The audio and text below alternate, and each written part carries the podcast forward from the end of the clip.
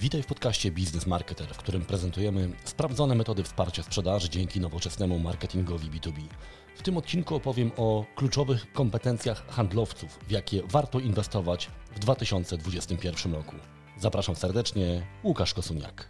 Witajcie moi drodzy w 53. odcinku podcastu Business Marketer, czyli dokładnie 52 odcinki już za nami, czyli rok podcastowania tydzień w tydzień, bez przerwy.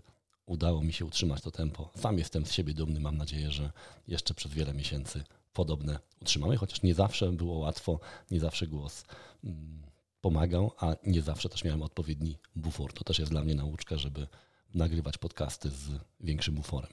Ale mm, przechodząc do meritum, dziś powiemy sobie o kompetencjach handlowców, które warto inwestować w nowym 2021 roku.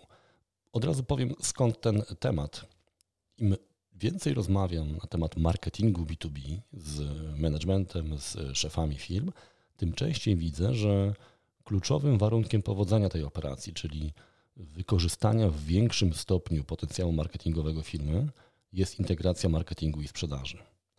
I do tego dochodzi jeszcze no, ta cała zmiana, która nas zaskoczyła w tym kończącym się roku, czyli tak naprawdę zabrano handlowcom wiele z tych narzędzi, które były narzędziami klasycznymi. Spotkania, konferencje, targi, szkolenia, czyli te wszystkie interakcje, które sprawiały, że handlowiec mógł mm, uzyskać dostęp do klienta, mógł spędzić z nim więcej czasu, przekonać go, y, zostały nagle zabrane. I oczywiście technicznie nadal można było rozmawiać, y, zamienić rozmowę bezpośrednią na telefon, ale jednak szybko okazało się, że wiele zespołów sprzedażowych ma z tym potężny problem.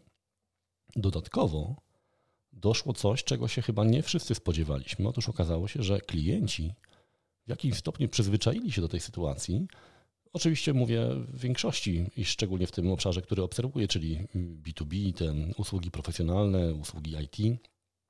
Tam klienci zaczęli wręcz preferować taką formę zdalną, odkrywając, że to jest dosyć efektywne.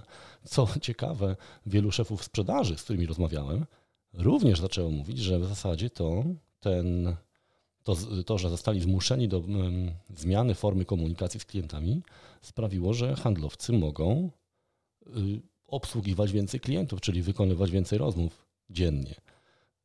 Do tego dochodzi jeszcze zmiana przyzwyczajeń klientów, która w zasadzie była do przewidzenia, ale nie wiedzieliśmy jeszcze jak, w jakim stopniu następuje, czyli y, o wiele większe nastawienie się na samodzielne pozyskiwanie informacji. I teraz mamy już trochę danych y, dzięki firmie Demand Gen. Jest taki raport właśnie firmy Demand Gen, który y, trochę rzuca światło na to, jak zmieniają się te preferencje i potrzeby zakupowe, powiedzmy, klientów. Otóż 68% y, klientów mówi, że proces decyzyjny wydłużył się. To są badania robione na rynku B2B. Prawie 70% potwierdza, że proces decyzyjny się wydłużył. Dokładnie 70% mówi, że y, wykorzystuje w tej chwili treści przygotowane przez dostawców w procesie decyzyjnym w istotny sposób. To znaczy wie, o wiele bardziej polegają na treściach niż uprzednio, w poprzednim roku. 77% badanych klientów mówi o tym, że zwiększyli czas interakcji z tymi treściami, to znaczy więcej czasu poświęcają na samodzielny research przy pomocy treści, a podobna ilość 73% mówi, że zwiększyło ilość źródeł informacji na temat dostawcy i produktu, czyli ilość tych kanałów, ilość tych miejsc, gdzie oni poszukują, porównują, weryfikują, po prostu się zwiększa.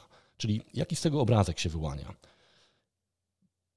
Proces będzie dłuższy, decyzyjny, czyli jest ryzyko, że po prostu tych obrotów y, cykli sprzedaży w roku może być po prostu mniej.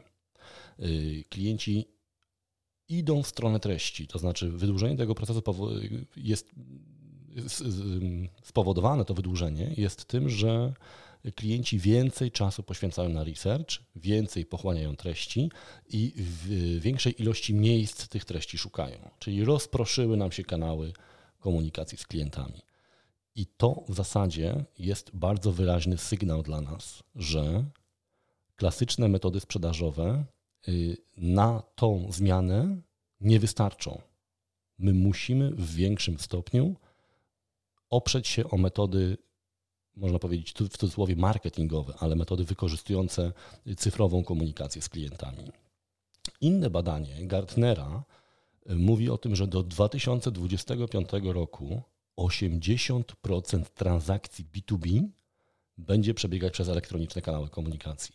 Jeżeli Wam się wydaje, że to są dane z Europy Zachodniej i Polska jeszcze e, długo tam nie, nie dojdzie, to muszę Was zmartwić, moi drodzy, bo okazuje się, że akurat w tych obszarach Polska jest w awangardzie europejskiej.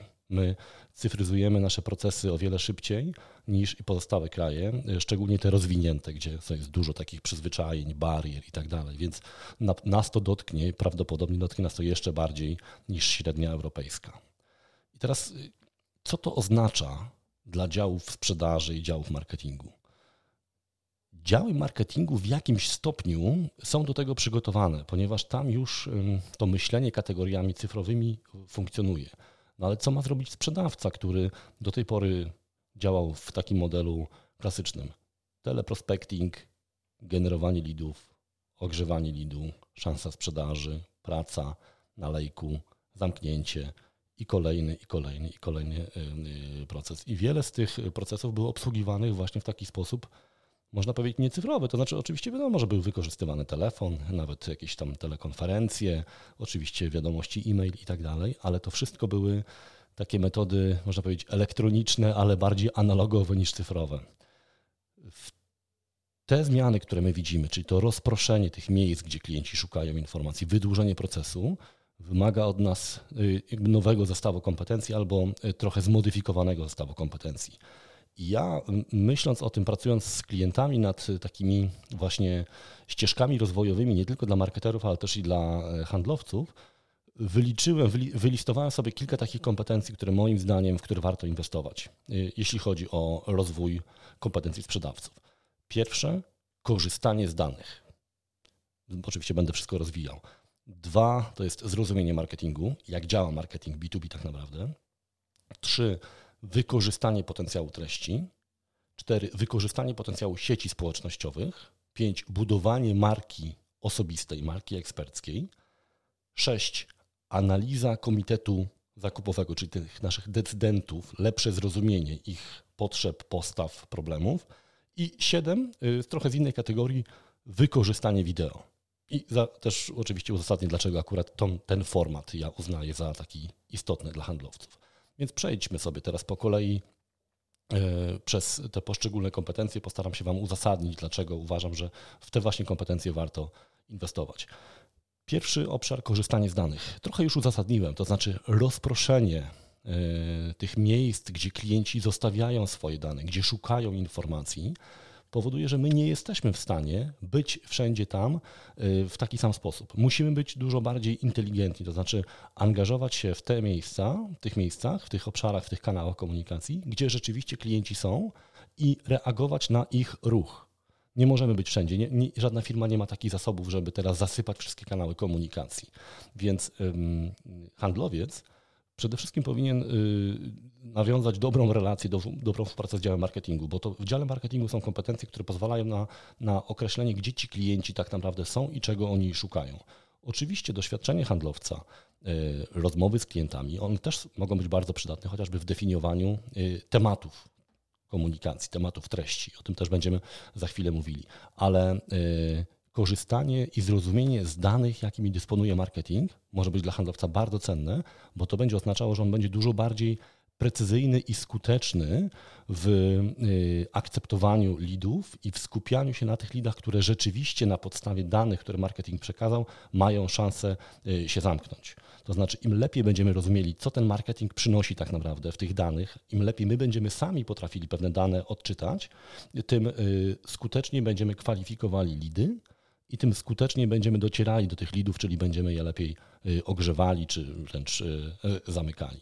Jakie to mogą być dane? Z jakich danych my możemy korzystać?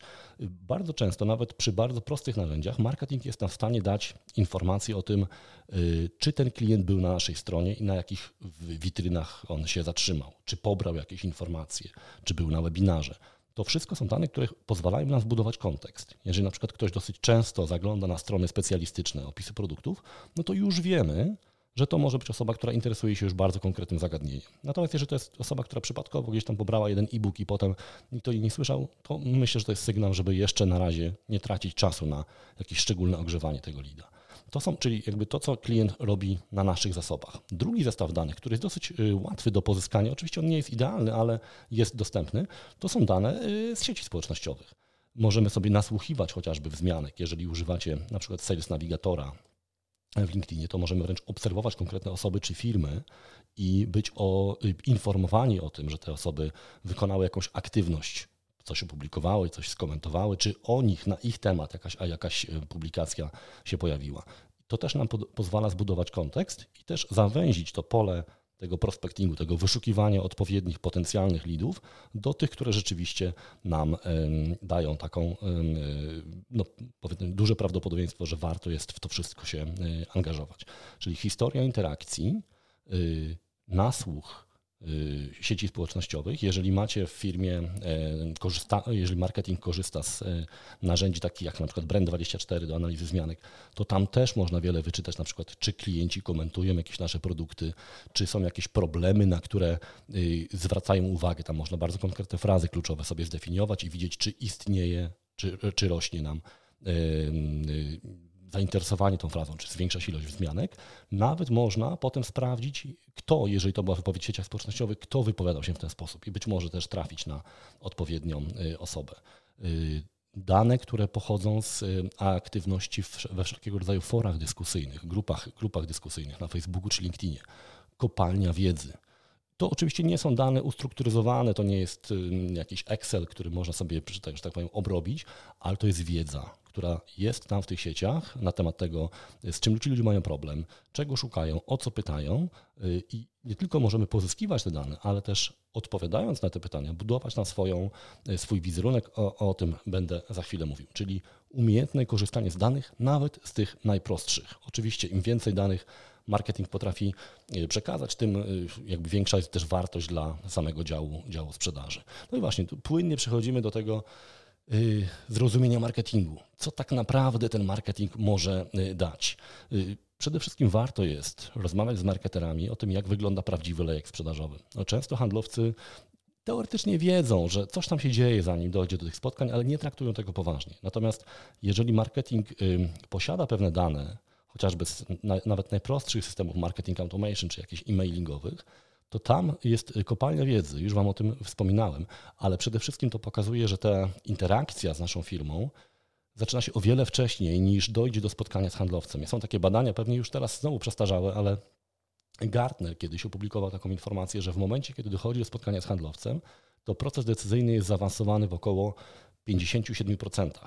Y, no, Google nawet mówi, że jeszcze więcej, ale trzymajmy się tej nawet konserwatywnie połowy. To znaczy, że połowa wiedzy, która jest do zdobycia, jest zdobywana bez udziału handlowca. To znaczy, że tam się dzieje dużo, naprawdę dużo. I teraz im lepiej my zrozumiemy to, o co ci klienci tam pytają, y, czego oni szukają, jakie mają problemy na tym etapie, tym my jako handlowcy będziemy potrafili lepiej te lidy, które już marketing nam przyniesie, że tak powiem, obrobić, a po drugie będziemy w stanie też pomagać działowi marketingu tworzyć treści, które naprawdę będą na tym etapie samoobsługowym skuteczne, to znaczy będą prowadziły do nas, będą wychwytywały tych klientów, którzy te pytania zadają, szukają informacji, pobierają e-booki, wchodzą na stronę i będą im pozwalały krok po kroku zbliżać się do decyzji o jakimś kontakcie z, z handlowcem. Czyli to, co się dzieje zanim dojdzie do spotkania z sprzedawcą, często ta wiedza jest właśnie w dziale marketingu i myślę, że to może być bardzo cenna wiedza dla, e, dla sprzedawców. Y, pamiętajcie też proszę, że y, marketing to nie jest tylko wsparcie sprzedaży. Ja to mówię, bardzo często to powtarzam, ale widzę to taką jeszcze ciągle takie przekonanie, że w zasadzie marketing to jest taki dział asystentów sprzedaży. To było takie kiedyś myślenie właśnie, że sprzedawcy wykonują 90% roboty, a marketing ma im tylko pomagać. I oczywiście marketing ma pomagać sprzedawcom, każdy zespół powinien sobie pomagać, ale to nie jest dział podrzędny. To znaczy, jeżeli doprowadzicie do takiej sytuacji, że to wy będziecie mówić, co marketing ma robić, to wbrew pozorom to jest najgorsza sytuacja dla sprzedawcy, jaka może być, bo przejmujecie na siebie strategię marketingową, Bo są takie osoby w marketingu, które się z tym dobrze czują. Znaczy oni nie chcą być y, liderami. Jeżeli sprzedaż dominuje, oni się dopasowują, robią to, co sprzedaż chce, tylko tyle, że y, sprzedaż nie jest od kształtowania strategii. Y, sprzedaż zazwyczaj ma cykle krótkie, krótkoterminowe. Marketing działa o, o wiele dłuższych cyklach. Jeżeli oni tego nie będą robili, to tak naprawdę braknie wam paliwa. To znaczy, oni być może wesprą was na krótkoterminowo w jakiejś kampanii i tak dalej, ale na dłuższą metę nie będą budowali świadomości istnienia produktu, nie będą rozwijali y, relacji z klientami, nie będą edukowali tych klientów i w którymś momencie po prostu zacznie brakować wam lidów i konkurencja, która inwestowała długoterminowo, po prostu zacznie was wyprzedzać. Warto też jest y, zrozumieć taką podstawową różnicę między działaniami marketingowymi a sprzedażowymi, takimi klasycznymi. Marketing jest zazwyczaj działaniem jeden do wielu. Mówię o komunikacji marketingowej, tak żeby być precyzyjnym. Sprzedaż jest, jest, jest działaniem jeden do jednego. I teraz, mm, ponieważ to jest działanie jeden do wielu, to bardzo często przygotowanie takiego komunikatu po prostu dłużej trwa. Więc też weźcie to pod uwagę, bo ja często widzę takie sytuacje, że ktoś tam wpada do działu marketingu, mówi, potrzebujemy to, taką ulotkę i tak dalej, y, najlepiej, bo już tutaj konkurencja zrobiła, najlepiej, żebyście to w, w ciągu dwóch dni zrobili. Bardzo często tego po prostu się nie da zrobić w dwa dni, a na pewno nie da się tego zrobić dobrze. Więc weźcie to pod uwagę. Tam są często jakieś akceptacje, y, różne zlecenia do podwykonawców i tak dalej. Po prostu ten cykl jest dłuższy niż działania sprzedażowe. Ja sam jestem po obu stronach, i sprzedaży, i marketingu. I, i, I, ja chciałbym, żeby to działało szybciej, ale czasami po prostu trzeba mieć na uwadze to, że no nie da się pracować z marketingiem, wrzucając im co chwilę jakieś tam nowe elementy. Więc y, często też marketerom o tym opowiadam, żeby starali się y, zbudować sobie taką, taką umowę marketingu i sprzedaży. To znaczy, co marketing, za co jest odpowiedzialny, co ma przynieść sprzedaży, ale też drugą stronę, co sprzedaż ma przynieść marketingowi. Teraz bardzo cenne jest to, kiedy y, sprzedaż i marketing dzielą się nawzajem wiedzą. To znaczy, jeżeli na przykład sprzedaż pomaga marketingowi zrozumieć specyfikę komitetu zakupowego, kto bierze udział tych decyzjach, kto, o co ci ludzie pytają, y, jaka jest, jaki jest ich profil, bo dzięki temu marketing potrafi przygotować plan treści, które są dużo bardziej przydatne poszczególnym członkom tego komitetu zakupowego. Czyli jeżeli na przykład nie wiem, od kilku lat y, temat danych osobowych jest istotny, to coraz częściej wiele produktów, szczególnie produktów software'owych, gdzie obrabia się dane, jest, podlega ocenie z punktu widzenia RODO. I taka osoba na pewno się znajdzie w komitecie zakupowym. Więc jeżeli mamy produkt, który dotyczy danych, to warto jest też mieć chociażby właśnie materiał o tym, jak wykorzystanie tego produktu wpłynie na zwiększenie lub zmniejszenie ryzyk, ryzyk związanych z regulacją RODO. To jest tylko przykład, ale chodzi mi o to, żebyście y, też y, dawali sygnał do działów marketingu, że te komitety zakupowe się zmieniają, że dochodzą nowe osoby, że trzeba się przygotować na nowy rodzaj argumentacji. Marketing często tego nie będzie wiedział, a to jest y, też duża wartość, którą może, może sprzedaż dostarczyć marketingowi. Bardzo ważne też jest to, żeby szkoląc handlowców, dawać im też taki racjonalny zestaw oczekiwań co do marketingu. Bardzo często jest tak na przykład, że od marketingu wymaga się dużej ilości y, leadów, y, jakby tworzonych bardzo szybko na przykład. Tak? To jest nie, nie, nierealne. Znaczy, y, oczywiście znowu marketerzy, którzy są, chcą się dopasować do takich oczekiwań, wygenerują szybko dużą ilość leadów, tylko nic, nic potem z tego nie będzie. I, i znowu mamy kolejny problem jakby nie, nieszanowanie leadów marketingowych, więc warto jest też szkoląc, rozwijając kompetencje sprzedawców, pokazywać im, co marketing tak naprawdę może zrobić w racjonalnych y, ramach budżetowych i czasowych, jakie dane oni mogą wygenerować.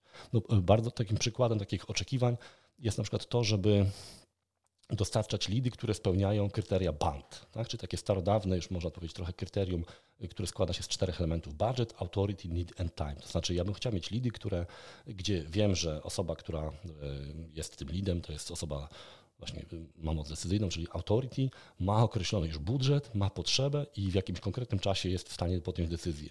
Mm, bardzo rzadko działania marketingowe przynoszą takie lidy. A ciągle jeszcze spotykam się z takim oczekiwaniem.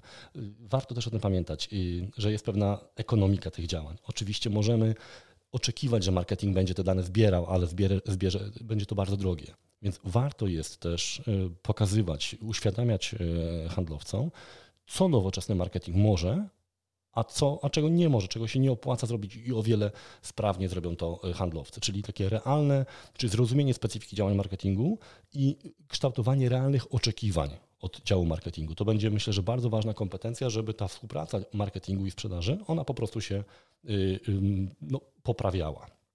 Ważne też jest to, a propos tego zrozumienia y, marketingu, że działania sprzedażowe i marketingowe to nie są działania sekwencyjne. To znaczy, kiedyś wiele osób tak myślało, że na początku lejka sprzedaży są działania marketingowe, a potem jest przekazanie lida do działu sprzedaży i marketing się wyłącza i działa sprzedaż. I to się pięknie tłumaczyło, był to prosty rysunek, natomiast niestety on nie jest prawdziwy. Ja podam Wam y, prosty przykład takiego pomieszania tych dwóch porządków. Jesteś handlowcem, działasz sobie na LinkedInie, y, polujesz w cudzysłowie na jakiegoś ważnego decydenta, nie wiem, dyrektora w banku, wysłałeś, wysłałeś zaproszenie, dyrektor akceptuje. I co teraz? No, klasycznie, skoro ja jestem handlowcem, ktoś przyjął moje zaproszenie, no to powinienem zapytać go o produkt, coś zaproponować, prawda? Ale my jesteśmy w przestrzeni, która jeszcze nie jest przestrzenią sprzedażową. Jesteśmy w przestrzeni mediów społecznościowych, gdzie nawiązujemy relacje dopiero. Tak?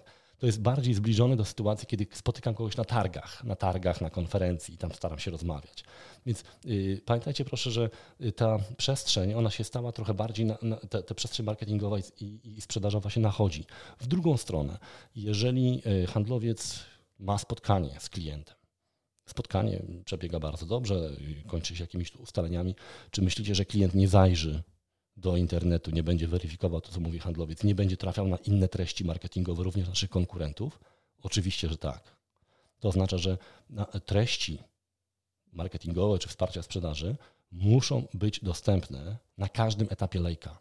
Bo na każdym etapie lejka sprzedaży, nawet jeżeli handlowiec już ma ogromną wiedzę na temat klienta, y, klient wcale nie jest skazany na tego handlowca no, może porównywać, może szukać tych informacji. To znaczy, że marketing nie może się zatrzymywać na obszarze, na tym etapie, kiedy przekazuje się lida do działu, działu sprzedaży. Musi działać dalej, czyli te działania marketingowe i sprzedażowe po prostu się na siebie nachodzą. To są działania po prostu równoległe, bo klient może te informacje pozyskiwać od handlowca yy, przy pomocy treści albo i tu, i tu. I my w obu tych przestrzeniach musimy być obecni, żeby tego klienta dobrze yy, obsłużyć. No właśnie, no płynnie przeszliśmy do kolejnego elementu kompetencyjnego, czyli wykorzystanie treści przez handlowców. Handlowcy są przyzwyczajeni do takich treści czysto sprzedażowych, y, parametry produktu, oferty, y, porównania itd., tak czyli rzeczy, które na, gdzieś tam na koniec lejka się wykorzystuje.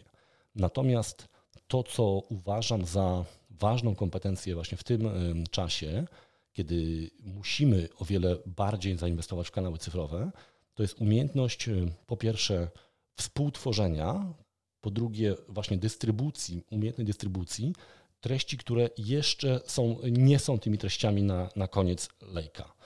Y, już mówię dlaczego to jest takie ważne. Treści działają na przedpolu pracy handlowca. To znaczy, im lepiej przygotujemy plan edukacji klienta, tym handlowiec będzie otrzymywał nie tylko bardziej wyedukowanych klientów, ale też skwalifikowanych. No treści mają nie tylko rolę edukacyjną, ja o tym czasami mówię, jest takich pięć funkcji treści, nie będę raz wszystkich omawiał, ale skupię się na dwóch elementach, właśnie na edukacji, która jest bardzo ważna i oczywista w zasadzie, ale też i na kwalifikacji. To znaczy my możemy, obserwując jak klienci, jakie treści konsumują, decydować, czy to jest klient, z którym powinniśmy się skontaktować, czy jeszcze nie. Jeżeli to jest klient, który konsumuje treści bardzo zaawansowane, zagląda w cenniki, porównania i tak dalej, no to to jest sygnał, że to jest klient, który jest na etapie jakiegoś wyboru. Natomiast jeżeli to jest osoba, która raz na jakiś czas coś tam sobie przejrzy, to jest raczej ktoś, kto sobie edukuje się, być może nawet nie w kontekście obecnej pracy, którą ma do wykonania, tylko po prostu rozwija się. Więc obserwując, i znowu tutaj wracamy do współpracy z działem marketingu, bo marketing będzie miał te dane, jeżeli używa narzędzi marketing automation obserwując tych klientów, my możemy ich nie tylko edukować, ale też oceniać na bazie tego, jakie treści na naszej stronie oni konsumują. Ważne też jest to, że treści mogą być doskonałym narzędziem budowania widoczności i budowania tak zwanej marki osobistej. To też jest kolejny punkt handlowca. Więc jeżeli handlowiec y, umie dzielić się wiedzą, y, to warto też dobrać odpowiedni format tego przekazywania tej wiedzy. wielu handlowców doskonale się czuje na przykład przy prezentacjach. Ja zauważyłem, że takie osoby bardzo szybko wchodzą w webinary. Potrafią prowadzić dosyć sprawnie webinary, ponieważ to jest podobny zestaw kompetencji. Dajmy im tą szansę.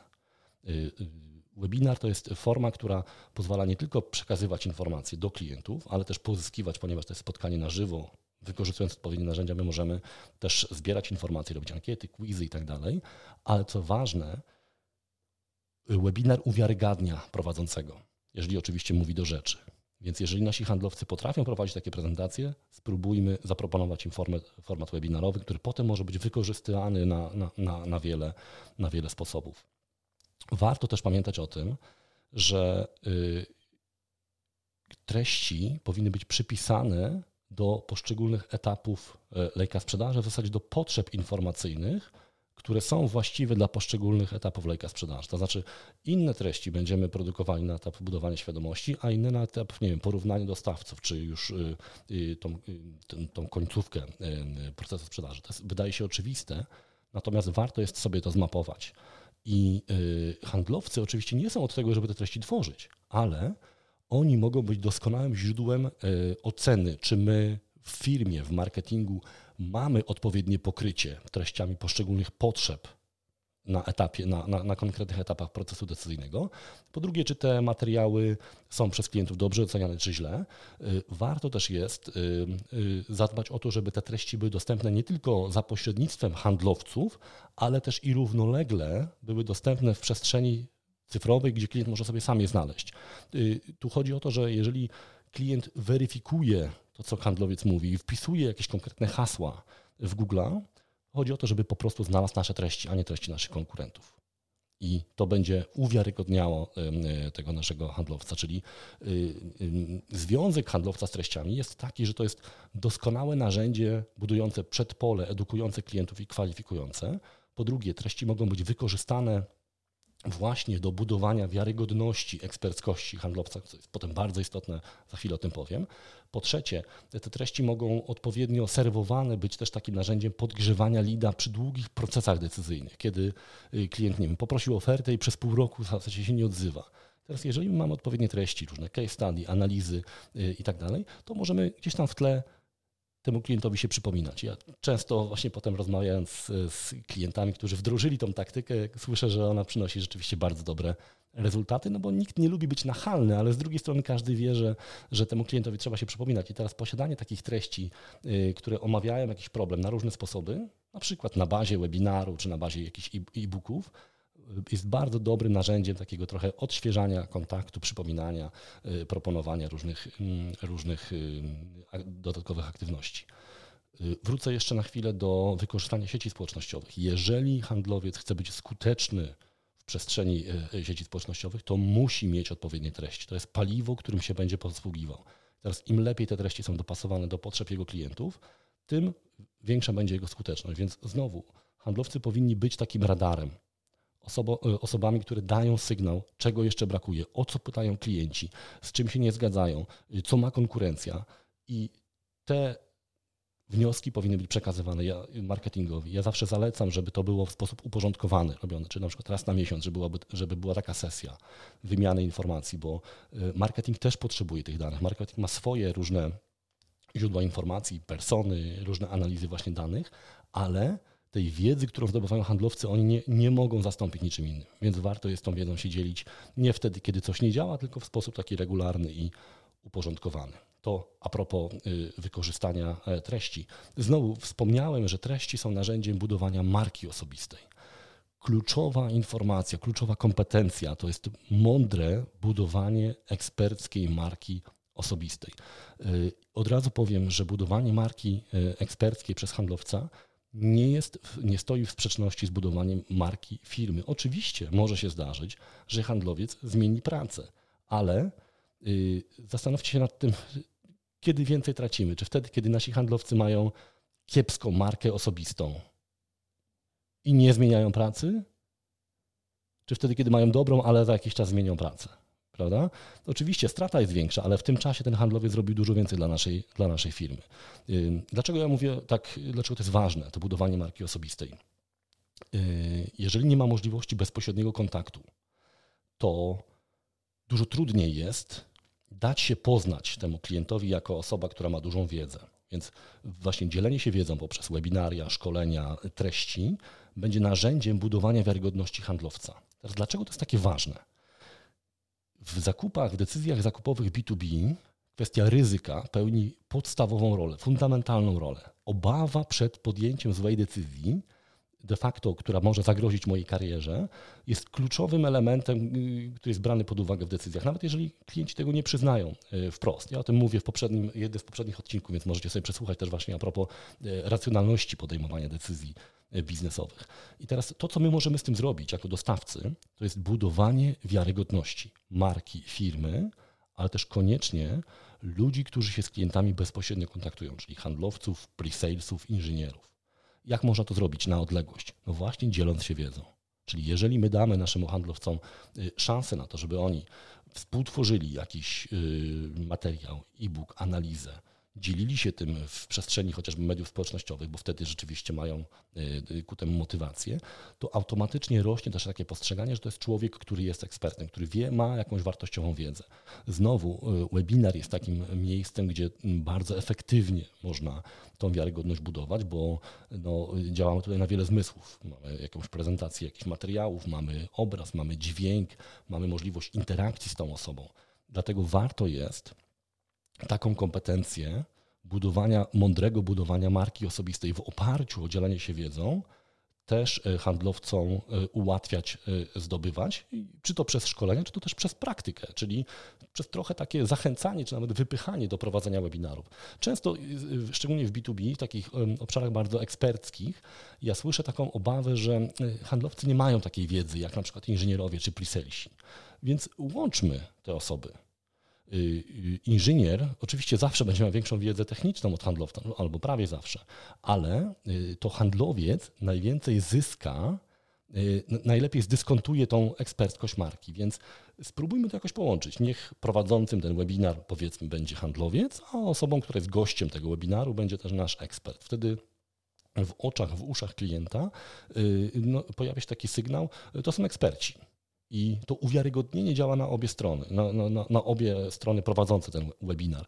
W związku z tym, kiedy handlowiec, który siłą rzeczy no, mniej tych detalicznych informacji przekazywał, będzie się potem kontaktował w ramach follow-upu po takim powiedzmy webinarze, on i tak będzie dyskontował tą, to, ten wizerunek ekspercki. Więc warto jest łączyć te, te, te, te, osoby w takie właśnie tandemy, żeby nawzajem e, ten swój wizerunek e, budować.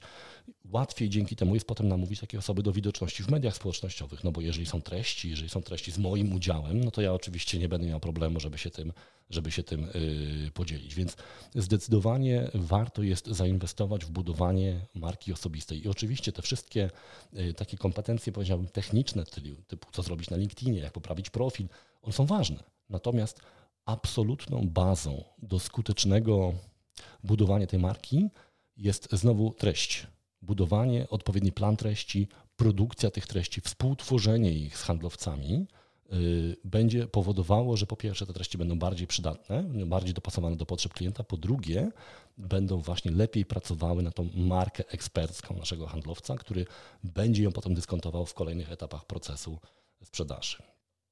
Kolejna kompetencja umiejętność analizy komitetu zakupowego. E, pamiętacie, jak Wam na początku mówiłem o tym, że te komitety zakupowe się powiększają. Jest więcej osób zaangażowanych w decyzje. Jest kilka przyczyn. E, jedna jest taka, że no coraz mniej lubimy ryzyko. To znaczy, jeżeli możemy się podzielić odpowiedzialnością za jakąś decyzję, to to robimy. Związku z tym rosną komitety zakupowe. W tej chwili y, prawie 7 osób średnio w firmach y, podejmuje, jest zaangażowanych w podjęcie decyzji. Oczywiście na różnych etapach są y, ci, którzy inicjują proces zakupowy, są ci, którzy go w jakiś tam sposób na niego wpływają, są ci, którzy go aprobują, są ci, którzy ostatecznie podejmują decyzje typu, nie wiem, prezes, dyrektor finansowy i tak dalej. Każda z tych osób ma swoją agendę, ma swoje oczekiwania, często sprzeczne Często jest tak, że to nie jest wcale jedyny pomysł na wykorzystanie tego budżetu, jaki jest w tej grupie i, i czasami osoba, która forsuje ten pomysł, no też podlega pewnym naciskom, pewnemu stresowi, żeby się to wszystko y, udało. Więc rola, y, ta, ta, kompetencja handlowca powinna jeszcze bardziej iść w głąb zrozumienia tego komitetu zakupowego. I, I, ja tutaj podaję takie, takie proste ćwiczenie, które wydaje się bardzo proste, ale implikuje potem wiele pytań, które, y, na które odpowiedzi potem są bardzo cenne. To znaczy, po każdym procesie sprzedażowym zakończonym, warto jest sobie wypisać osoby, które brały udział w podjęciu tej decyzji po stronie klienta. I jakąś przypisać rolę. Ja często właśnie wykorzystuję taką, y, taką taksonomię typu inicjator, y, osoba aprobująca, bloker, czyli osoba, która nie chciała, żeby ten proces dalej szedł, nie, nie, nie, nie chciała, żeby ten proces był, y, ten produkt był kupiony. Tacy influencerzy, często nieformalni, którzy gdzieś tam pojawiają, ale tak nie do końca wiadomo, jaka, jaka jest ich rola. To są często jacyś tacy liderzy samozwańczy, e, osoby, które są postrzegane jako mające wiedzę, ale formalnie nie są nigdzie umocowani. I wreszcie e, ci e, aprobujący ostatecznie właśnie prezes, dyrektor finansowy. Ja jeszcze zawsze sugeruję, żeby dopisać taką informację, do których z tych osób mamy kontakt bezpośredni, a które w zasadzie nie kontaktowały się z dostawcami. Bo często właśnie tak jest, że na przykład dyrektor finansowy, mimo że składa podpis często na zamówieniu, to w ogóle nie, nie był na żadnym spotkaniu. Oczywiście mówię o tym w większości, bo czasami są takie sytuacje, kiedy dyrektor się pojawia i ma dosyć dużą wiedzę na temat e, tego konkretnego produktu. Mm, to jest ważne, bo w ramach właśnie tego przygotowania treści warto jest też handlowcom, handlowcy to wiedzą, ale warto jest tak naprawdę uświadomić też marketerom, że e, my powinniśmy docierać też do osób, które do których nie mamy kontaktu bezpośredniego i nie spotkamy się z nimi bezpośrednio. Czyli przygotowując chociażby materiały, które mogą te osoby zainteresować, możemy je przekazać za pośrednictwem tych osób, które y, są w procesie decyzyjnym i mają z nami bezpośredni kontakt. Czyli powiedzmy, jeżeli właśnie na przykład ten dyrektor finansowy się z nami nie spotyka, a wiemy, że z jego punktu widzenia kwestia nie wiem, wpływu na podatki, wpływu na cash flow, y, y, całościowego kosztu utrzymania tego rozwiązania będzie kluczowa, i wiemy na przykład, że takie pytania zadawał, zadawali dyrektorzy finansowi poprzednio w innych, w poprzednich e, transakcjach, to my powinniśmy wspólnie właśnie z działem marketingu wytworzyć taki materiał, który może być przygotowany właśnie pod kątem dyrektora finansowego i przekazany za pośrednictwem tej osoby, która się z nami kontaktuje. Ja nazywam często tą osobę emisariuszem. Wtedy my jesteśmy nie tylko tym, który perswaduje, przekonuje tego emisariusza, ale też wspomaga go w odpowiednim przygotowaniu rekomendacji, no bo pamiętamy, że w tych komitetach zakupowych też są pewne napięcia. Też jest tak, że osoba, która jest inicjatorem procesu, potem musi ten projekt obronić, często podlega różnym naciskom, musi pewne rzeczy wyliczać. Im lepiej będziemy przygotowani, znając z poprzednich też procesów sprzedażowych pytania, obiekcje, potrzeby tych poszczególnych osób, i im lepiej przygotujemy sobie materiały na kolejne następujące procesy sprzedażowe, tym będziemy skuteczni i, będziemy o wiele bardziej przydatni jako y, partner y, taki wspomagający tego y, inicjatora projektu, który potem odpowiada za jego udane przeprowadzenie. Więc pamiętajcie właśnie, że warto jest robić tą analizę sprzedaży. Ona często trwa 15-20 minut, ale przynosi bardzo ciekawe efekty, bo my często zapominamy o tych osobach. Y, upraszczamy sobie, więc warto jest to sobie zapisywać. Ja to zapisuję w takiej prostej tabeli. W wierszach są poszczególne transakcje, w kolumnach są właśnie te poszczególne typy stanowisk i tam mały opis. Brał udział, nie brał udziału, dostęp bezpośredni, niebezpośredni, ewentualnie jakaś uwaga, o co pytał, co było obiekcją tej osoby. Doskonała baza do wytworzenia tych materiałów właśnie tak zwanych wspierających, tych, które potem taka osoba, która się z nami kontaktuje bezpośrednio może zabrać i dystrybuować w naszym imieniu y, wewnątrz organizacji. Moi drodzy, i ostatnia kompetencja, troszeczkę z jakby z innego świata, bo tutaj mamy takie bardziej strategiczne, y, a ostatnia kompetencja to jest wykorzystanie wideo, czyli taka bardzo taktyczna, bardzo taka formatowa. I to jest, dlaczego ja uznałem, że to będzie kluczowa kompetencja? W zasadzie to już jest kluczowa kompetencja i wiele osób, które y, cenię, między innymi y, Wojciech Hera, mówi o tym już od dawna, że handlowcy muszą się zaprzyjaźnić z wideo. Ja mogę tylko potwierdzić, tak jest i uważam, że ten rok będzie kluczowy, czy te osoby, które odpowiednio wykorzystają potencjał wideo, rzeczywiście ich produktywność jako handlowców będzie, będzie rosła. I teraz, co ja mam konkretnie na, na myśli? No nie, nie chodzi o to, żeby teraz z każdego handlowca zrobić gwiazdę telewizji. Nie, chodzi o to, żeby znaleźć sposób na dotarcie do naszych klientów z wykorzystaniem tych narzędzi, które już mamy i uprościć pewien sposób też konsumpcji tych treści. Pamiętajcie, tak jak każdy, nasi klienci są zarzucani coraz bardziej treściami. I tak będzie, bo nie tylko ja te dane o, o zmianie preferencji klientów czytam, no, czyta to cały rynek tak naprawdę. W związku z tym wnioski, które ja Wam prezentuję, wyciąga cały rynek. To znaczy klienci konsumują więcej treści, więc więcej treści będzie produkowanych. I teraz, żeby nie dać się zasypać tymi treściami naszych konkurentów, my musimy szukać takich formatów, które są maksymalnie skuteczne. To znaczy, łatwo się je tworzy, y, łatwo się przekazuje kluczowe informacje i łatwo się je konsumuje y, po stronie y, klienta. I tutaj wideo jest rzeczywiście w wielu przypadkach no, idealnym rozwiązaniem.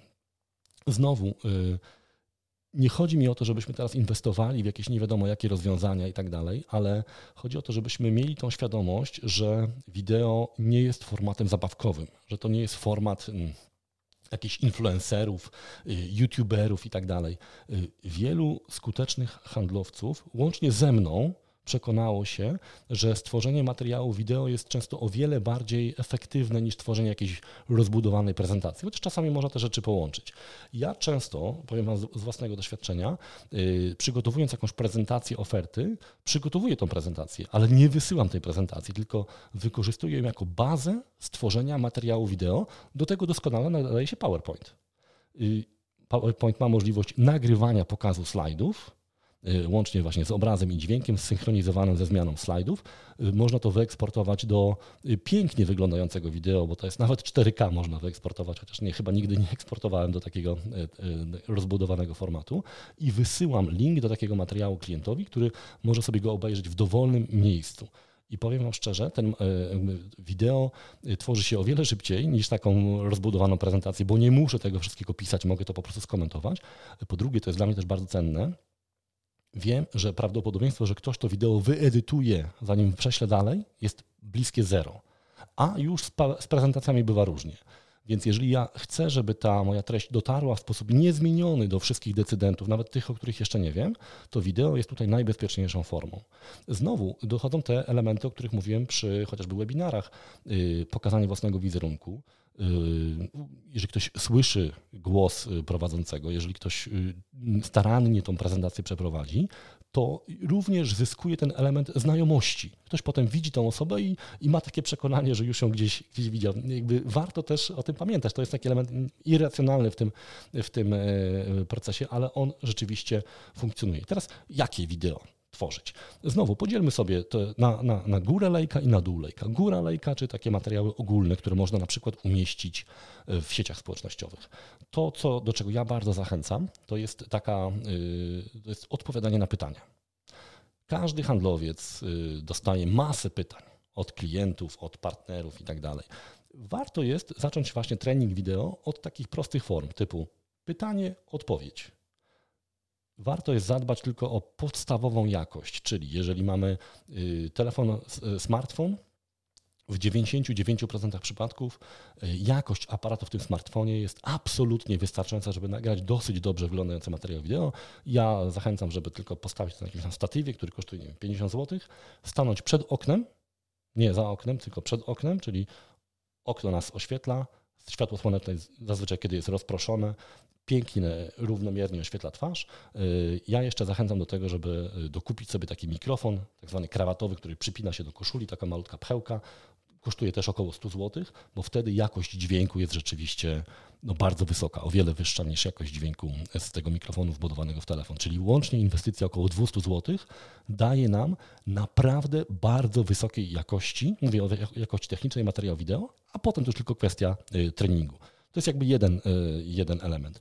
Właśnie drugi, i wtedy to wideo możemy wykorzystać właśnie e, w sieciach społecznościowych. Możemy wysłać też klientowi, na przykład, jeżeli mamy już taki zbiór takich odpowiedzi na pytania, e, możemy wysłać przy, kilka takich przykładów przy okazji, albo właśnie gdzieś tam czekając na decyzję, możemy raz na jakiś czas podesłać taki, taką taki, taki, taką zaczepkę właśnie. Przy okazji przesyłam tutaj y, taki zestaw często zadawanych pytań y, i naszych odpowiedzi. Być może będą dla Państwa przydatne. Wideo dobrze się konsumuje w dowolnej formie możemy nawet podpiąć analitykę i tak dalej. Zachęcam bardzo do tego. Drugi, bardziej sprzedażowy format, ten pierwszy właśnie służy głównie generowaniu, budowaniu wizerunku, budowaniu bazy kontaktów i tak dalej. Na drugim etapie, czyli ten, tej, tego dołu lejka, to są już bardziej spersonalizowane działania, czyli właśnie przygotowanie jakichś propozycji działań, odpowiedzi na już konkretne pytania konkretnych klientów i tutaj ja bardzo Was zachęcam do wykorzystania PowerPointa czy jakiegoś narzędzia typu WebEx, Teams i tak dalej, gdzie można nagrać prezentację, obraz z ekranu plus naszą narrację i, i koniecznie wizerunek z kamery. Tutaj kamerki internetowe y, też zazwyczaj dają radę. Y, warto jest taki materiał tworzyć, bo bardzo często przy niewielkiej wprawie my możemy szybciej stworzyć bardzo intensywny treściowo materiał wideo, kilkuminutowy, niż jakieś rozbudowane elaboraty. Oczywiście to też wymaga pewnej wprawy, dlatego warto sobie to, y, to, to przetrenować. Y, ja Wam powiem z praktyki, że często mam tak, że y, wykorzystuję już nagrane pewne prezentacje, no bo moja oferta są często szkolenia, usługi doradcze, więc te opisy szkoleń ja już mam nagrane, więc dogrywam tylko sobie wstęp dla klienta. I właśnie w PowerPoincie bez żadnej umiejętności edycji wideo, ja po prostu dokładam do slajdów, gdzie mam nagraną tak zwaną narrację, ten mój slajd, czy dwa, czy trzy slajdy początkowe, gdzie odnoszę się do pytania klienta, a potem wykorzystuję sobie już gotowe materiały, wklejając do, do, do tego ostatecznego pliku y, PowerPoint, klikając eksport do wideo, mam materiał wideo. Czyli można wielokrotnie wykorzystywać te fragmenty, które nam się yy, przydały. Ja jestem fanem w ogóle właśnie nagrywania tych, tych y, pokazów w PowerPoincie, bo tam tak naprawdę każdy slajd może być wielokrotnie wykorzystywany i w dowolnej kolejności przearanżowany. Ja zrobię też materiał wideo na ten temat. Niedługo zobaczycie, jak to wygląda w praktyce, ale zachęcam, poeksperymentujcie samodzielnie. To naprawdę jest bardzo, y, bardzo efektywne. Wreszcie wszelkiego rodzaju szkolenia i webinary. Jeżeli y, y, prowadzą je handlowcy, nasi eksperci, zadbajmy o to, żeby były nagrane i Zadbajmy też o strukturę. Jeżeli to jest jakaś dłuższa wypowiedź, to warto jest mieć taką strukturę, tak jak na przykład u mnie te 7 punktów, 7 kompetencji. Tak? Ja potem mogę sobie pociąć ten webinar na 7 y, krótszych kawałków i wysyłać do, czy to publikować w sieciach społecznościowych, czy wysyłać do, do klientów, którzy akurat pytają o tą konkretną kompetencję. Mam to pod, pod ręką. Więc mam nadzieję, no nie chcę Was tutaj zanudzać się zbyt długą y, audycją, ale mam nadzieję, że zachęciłem Was do tego też, żebyście trochę też poeksperymentowali z tym wideo. Naprawdę nie musicie tworzyć studia telewizyjnego, Wystarczy zadbać o takie podstawy y, jakości y, technicznej. Paradoksalnie dźwięk jest dużo ważniejszy niż obraz, bo obraz jest dużo łatwiej. W tej chwili te telefony, które mam, są cudeńka. Y, te, te aparaty są naprawdę wysokiej jakości. Tutaj z dźwiękiem trzeba trochę bardziej powalczyć, ale właśnie taki mikrofon za 70-100 zł, tak zwany krawatowy, zupełnie, absolutnie rozwiązuje sprawę. Czyli podsumujmy sobie ten nasz odcinek. 2021 rok to będzie rok, w którym mam nadzieję trochę wrócimy do normalności. Część z tych działań tradycyjnych będzie możliwa do realizacji. Spodziewam się, że gdzieś tam w, pewnie w drugiej połowie. Mimo tego pewne przyzwyczajenie klientów już zmiana już nastąpiła i przekonali się o tym, że ta, ten cyfrowy świat y, rzeczywiście czasami jest dużo bardziej efektywny. Y, wzrosła liczebność komitetów zakupowych, rośnie ilość treści, jakie, jakie klienci y, konsumują, rośnie czas y, procesów decyzyjnych, y, rośnie rozproszenie tych informacji, więc musimy też pomóc handlowcom odnaleźć się w tym świecie poprzez jakby nowy zestaw kompetencji albo uzupełniony zestaw kompetencji. I to jest właśnie umiejętne korzystanie z danych, zrozumienie i dobra współpraca z marketingiem, wykorzystanie i współtworzenie treści, wykorzystanie potencjału sieci społecznościowych, budowanie marki eksperckiej, marki osobistej, mądra, skuteczna analiza decydentów, czyli komitetu zakupowego i wreszcie ostatnie wykorzystanie potencjału wideo. Mam nadzieję, że ta, ten mój wywód w jakiś sposób zainspirował Was do tego, żebyście być może wzięli pod uwagę część z tych kompetencji i gdzieś tam wypracowali czy poszukali wiedzy, być może wewnątrz organizacji, być może na zewnątrz, żeby zainwestować w te kompetencje przyszłości handlowców. Ja sobie zdaję sprawę, że mam swoje skrzywienie. Ja jestem, działam w obszarze marketingu, więc pewnie siłą rzeczy zdryfowałem trochę w stronę tego digitala, ale przyznacie, że te zmiany w y, preferencjach klientów, one jednak y, wyraźnie wskazują na konieczność większego zainwestowania w obszar właśnie digital, w obszar marketingu, w obszar treści, budowania marki osobistej. Więc mam nadzieję, że było to dla Was przydatne. Y, dajcie znać y, w komentarzach, y, być może jakąś gwiazdkę w aplikacji podcastowej, to też zawsze, zawsze bardzo miłe. No i zachęcam też do zajrzenia do opisu tego podcastu. Tam zazwyczaj jakieś dodatkowe linki, materiały, które uzupełniają to, co, czego nie powiedziałem podczas podcastu, a potem mi się przypomniało, że może warto byłoby dopowiedzieć. Wielkie i do usłyszenia przy następnym odcinku. I to wszystko e, na dziś. Mam nadzieję, że te kompetencje przyszłości, które przedstawiłem, są dla Was e, jakimś drogowskazem, w co warto inwestować. E, dajcie znać, czy zgadzacie się z tymi stwierdzeniami. Gwiazdka czy opinia w aplikacji podcastowej też bardzo mile widziane. Wielkie dzięki. Łukasz Kosuniak.